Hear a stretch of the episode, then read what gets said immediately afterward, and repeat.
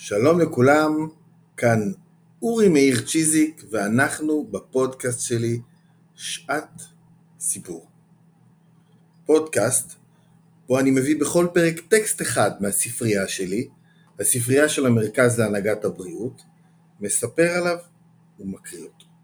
היום אנחנו בפרק ה-42 ובו אנחנו נקריא, כן כן, מקטע ממאמר, מאמר מאוד מאוד חשוב בהיסטוריה ובאבולוציה שלי ושל העיסוק שלי באוכל, מאמר שעוסק באבולוציה ביו-תרבותית במזון.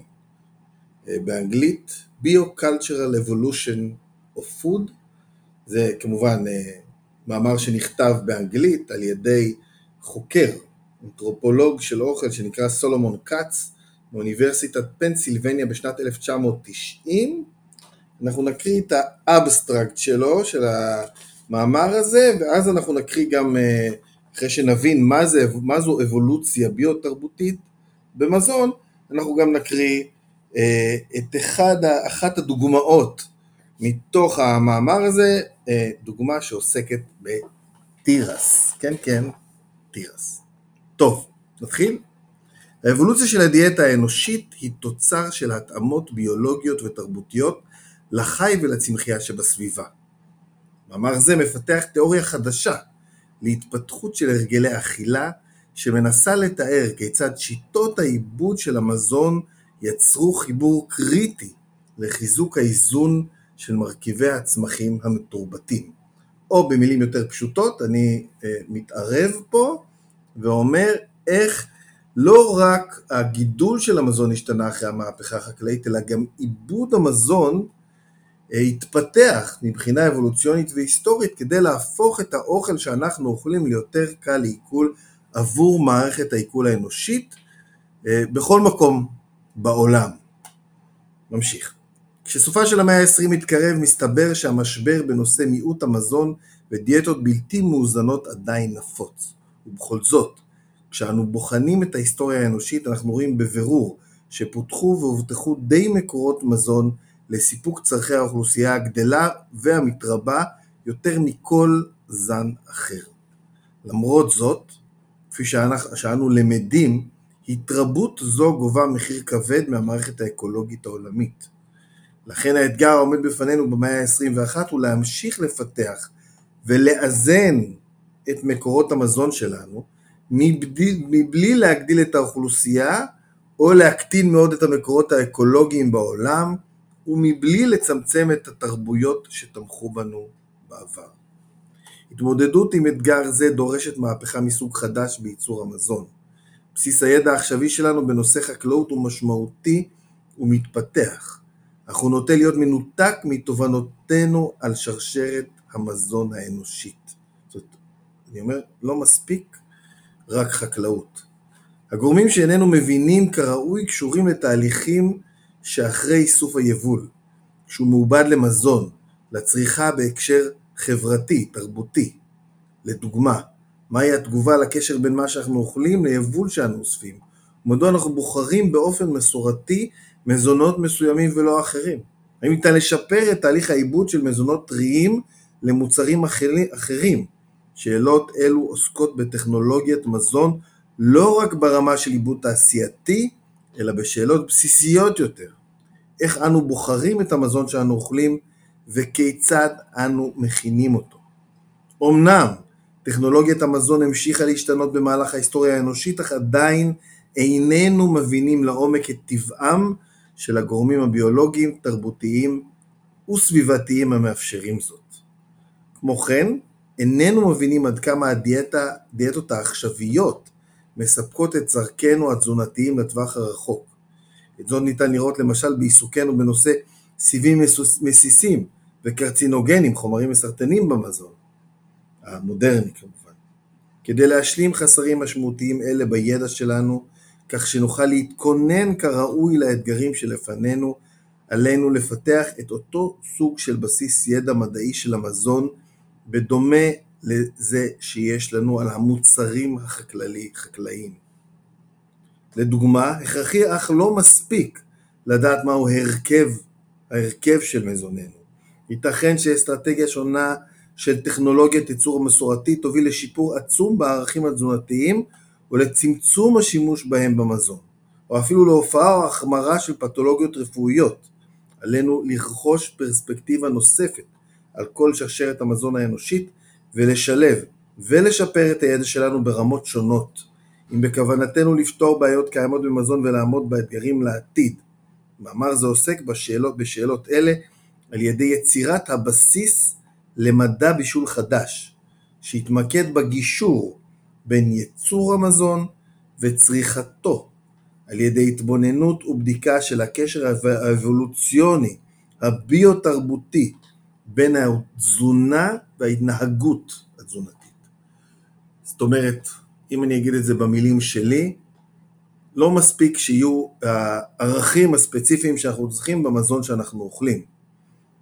אה, אנחנו צריכים גם להיות מסוגלים להשתמש בחומרים האלו.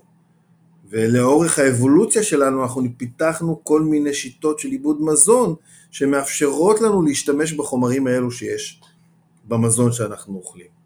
ואנחנו בתזונה המודרנית שלנו מתעלמים מהמסורות האלו שאמורות לשרת את הבריאות שלנו. ו, אה, ובזה עוסק המאמר, באיזה מסורות כאלו איבדנו ומה אנחנו יכולים ללמוד מהמסורות האלו, והדוגמה שאני אתן מתוך המאמר הזה היא הדוגמה של התירס, דוגמה בעיניי מרתקת. אה, אני אעביר לעמוד שבו אני צריך לספר שהמאמר הזה באנגלית, אבל אימא שלי, שהיא, כבר שמעתם עליה פה, היא מתרגמת עבורי את הקטעים שאני מעוניין להקריא בפודקאסט הזה בשעת סיפור. אז הנה אנחנו נקרא עכשיו תיאור מקרה מרתק על חשיבות האבולוציה הביו-תרבותית בבישול, אנחנו נקרא קטע ראשוני שהוא רקע, ואז אנחנו נדבר על אה, התירס. תראו, מקרה של חשיבות האבולוציה הביו-תרבותית בבישול. עם הופעת החקלאות התפתחו שיטות בישול חדשות ומשוכללות לניצול הגידולים המתורבתים והפיכתם לאכילים. טענה כללית זו דורשת חקירה נוספת ושיקול דעת זהיר. מצד אחד יכולנו לחקור את הקשר בין מנהגי אכילה ורמת הצריכה, ולנתח את המשמעות התזונתית של מנהגים של תרבויות שונות. דרך זו של יצירת השערות היא מתאימה ואפשרית. יש לה בוודאי תפקיד חשוב בקידום הבנתנו את הדיאטה, והיא תוכל לספק רמזים חדשים למשמעות של שיטות אכילה שונות. אולם לאור החומר הרב שניתן למצוא בספרות העוסקת בתזונה, בביוכימיה, בבוטניקה אצל תרבויות שונות וברוקחות, אסטרטגיה משמעותית יותר לפיתוח תיאוריה על בישול היא להשתמש בגישות המבוססות על בדיקת השערות, שמטרתן הבנה של המשמעות הביולוגית של עיבוד המזון. זאת אומרת, אנחנו משערים מה המשמעות הביולוגית של עיבוד המזון. גישה זו תעשה שימוש נרחב במחקר ובספרות המדעית שמתפתחים בתחומים רלוונטיים ותיצור השערות ניתנות לבדיקה לגבי תהליכי בישול. בישול, זו הייתה הקדמה. עכשיו תירס החשיבות של העיבוד הבסיסי. זה השם. הנושא הראשון שנבדק בגישה זו של בניית השערה, תירס, היה אידיאלי מכמה סיבות. תירס קל לגידול והוא היווה את הבסיס החקלאי לגדילה ולהתחזקות של התרבויות הגדולות של מרכז אמריקה. תירס המודרני היווה גם גורם חשוב בהתפתחות של חקר החקלאות באמריקה. בשנות ה-20 של המאה הקודמת, ב-1920 והלאה, מחקרים על התכונות התזונתיות של התירס הובילו להבנה שדיאטה המבוססת על תירס קשורה להופע, להופעת פלגרה, מחלה שמקורה במחסור כרוני בוויטמין B3, או כמו שהוא נקרא, ניאצין. עולה אם כן, עולה אם כן השאלה, כיצד שרדו ילידי התרבויות הפרה-היסטוריות באמריקה על בסיס דיאטה שגורמת לפלאגרה בשאר אוכלוסיות כדור הארץ. גילינו שהתירס גורם לפלאגרה במקומות שבהם הוא מהווה את הבסיס במאה ה-20 לתזונה, אבל אם זה ככה, איך התרבויות האלה ילידיות שרדו, למרות שגם התזונה שלהם הייתה מבוססת על תירס? זו השאלה שעולה. נמשיך. אחרי ניתוח זהיר של ספרות התזונה נוצרה השערה שניתנת לבדיקה שהסתמכה על ממצאים חשובים בקשר לחומצות האמיניות, בקשר לחומצות האמיניות ולניאצין, אותו ניאצין, שבתירס. תירס מכיל כמויות קטנות מאוד של החומצה האמינית החיונית ליזין, אוקיי? ליזין זו חומצה אמינית חיונית לגוף. ויש לו עוד מספר תכונות שמגדילות את סכנת הפלגרה אצל אנשים האוכלים כמויות גדולות ממנו. ראשית, הניאצין בתירס, הניאצין, מה שחסר, אינו זמין לגוף, הוא קשור לחלבון אחר, כך שאינו מתעכל. שנית, בתירס יש חוסר גדול בטריפטופן, שזו חומצה אמינית חיונית, שאותה ניתן להפוך לניאצין, אך לא בדרך יעילה.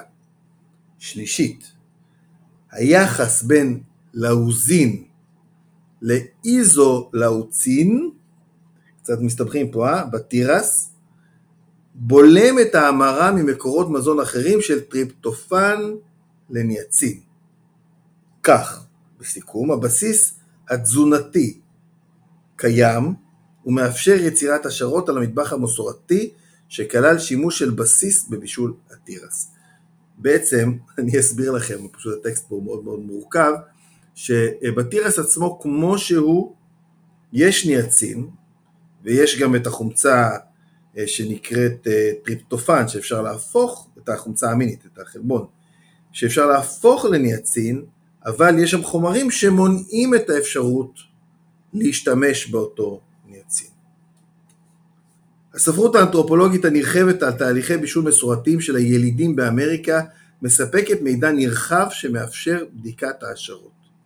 ניתחנו תהליכים אלה, ניתחנו, סליחה, ניתחנו תהליכים אלה ששימשו מדגם גדול ככל שמצאנו של אוכלוסיות שחיו באזורים בהם ניתן היה לגדל תירס בצורתו הטבעית.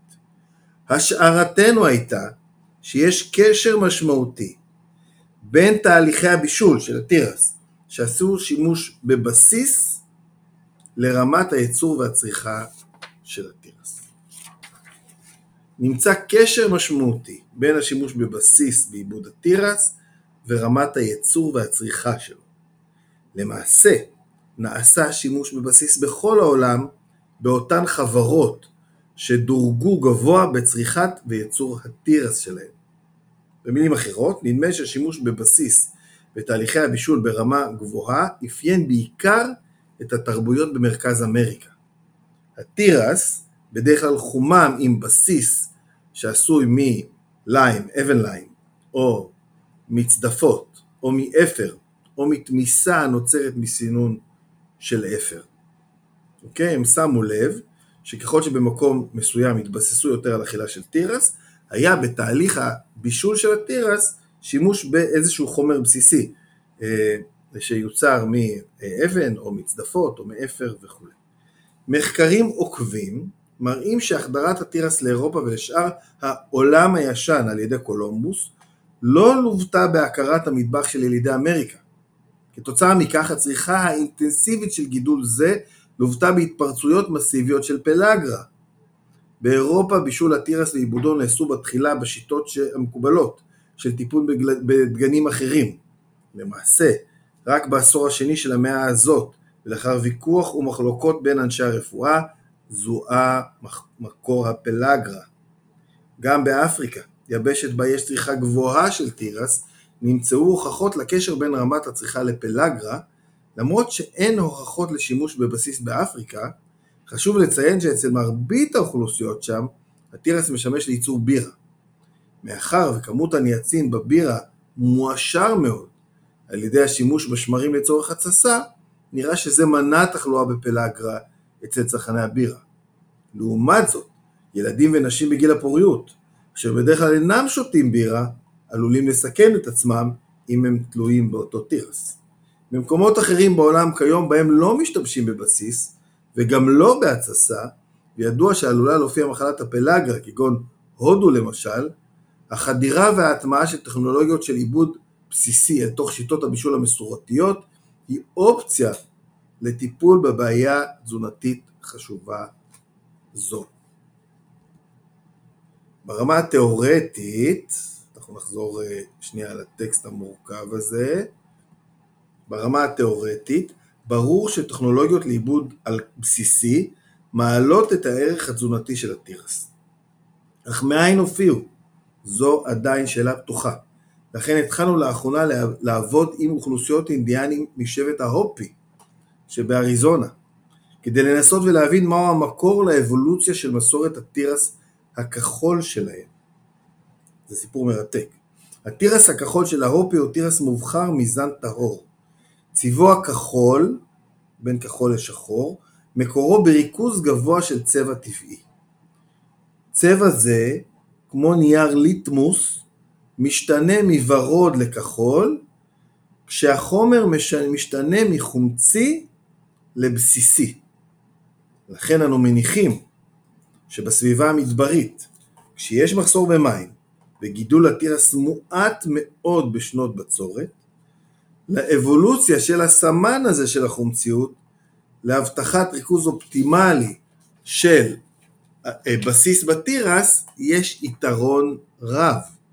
מאחר ויש תיעוד מדויק של תהליכי הטיפול של אנשי האופי בתירס הכחול, אנו מנסים לקבוע האם החומציות של הצבע הכחול שנשות האופי מנסות להשיג באופן מסורתי בקדרות, תואם את החומציות הנדרשת כדי להפוך את התירס לבסיסי ולשחרר את הניאצין. אם זה נכון, אזי המסורת הזו מספקת תובנות ותשובות לשאלה הרחבה יותר, כיצד התהליכים הללו, הקשורים לשימוש בבסיס, יכלו להתפתח. המידע הראשוני שברשותנו רומז שהתהליך אכן תואם את ההשערה, במיוחד המסורת של עיבוד תירס מאוד נחרצות וקבועות. ייצור לחם פיקי, זה הלחם שנעשה על ידי נשות ההופי, היא הטכניקה החשובה ביותר שעל אישה ללמוד באופן מסורתי לפני שתורשה להינשא. מערבבים תירס כחול טחון עם מים ואפר ליצירת משחה עדינה במרקם המתאים לבישול. הצבע שמושג בהכנת המזון קשור לבסיס הנדרש כדי לשחרר את הניאצין. ועוד בשונה מהתהליך של אנשי המאיה להכנת טורטילה עם כמות גדולה של בסיס, שאז יש לשטוף ולהסיר אותה, יחד עם חלק ניכר של הערכים התזונתיים, טכניקה זו התפתחה בתנאי מחסור, טכניקה של האינדיאנים. טכניקה של האופי משחררת הניאצין, אבל הערכים התזונתיים של התירס אינם הולכים לאיבוד. התירס נעשה בסיסי, ואז נאכל בשלמותו. כך במקרה חשוב זה, נראה שהמסורת שהתפתחה אפשרה כמות נראית לעין של רמת בסיס האופטימלית בתירס ושמירת הערכים התזונתיים של המוצר המקורי. מאחר והיכולת לראות את הרמה היא קריטית לקבלת מוצר מוגמר טוב, אין זה מפתיע למצוא ברמה התרבותית מספר רב של כישורים סימבוליים לשימוש ולצריכה של מזון זה בדיאטה המסורתית. לכן, אמנם עדיין מעט בספק, ההשערה על חשיבות מסורת התירס הכחול, ההשערות, נראות תקפות. טוב, זו הייתה רק דוגמה אחת לאיך, עיבוד התירס יצר, אה, אה, נוצר בעקבות הצורך שלנו במזון שהוא מזין, ובעצם העיבוד שלו הופך אותו ליותר מזין על ידי כך שהוא משחרר את החומצה המינית החסרה בו, את הניאצין. מרתק, דרך אגב עכשיו תפתחו את העיניים מסביב ותראו את כל השיטות בישול ועיבוד המזון שמתאימות את עצמם כדי להפוך את האוכל ליותר מזין עבור מערכת העיכול.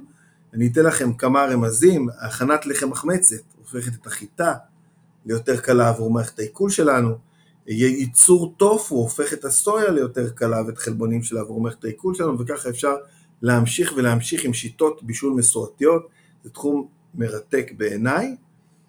אמ, מקווה שהחכמתם. אני בכל זאת, בכל מקרה, כל פעם מגלה איזו שיטת בישול חדשה מיוחדת ומרתקת שיכולה לתרום לנו גם היום, שיטת בישול מסורתית. זהו, סיימנו. אני מזמין אתכם לעקוב אחרי הפודקאסט וגם לעקוב אחריי ואחרי הפעילות של המרכז להנהגת הבריאות, גם ברשתות החברתיות וגם באתרים שלנו. אני אורי מאיר צ'יזיק, ואנחנו ניפגש בפרק הבא של שעת סיפור.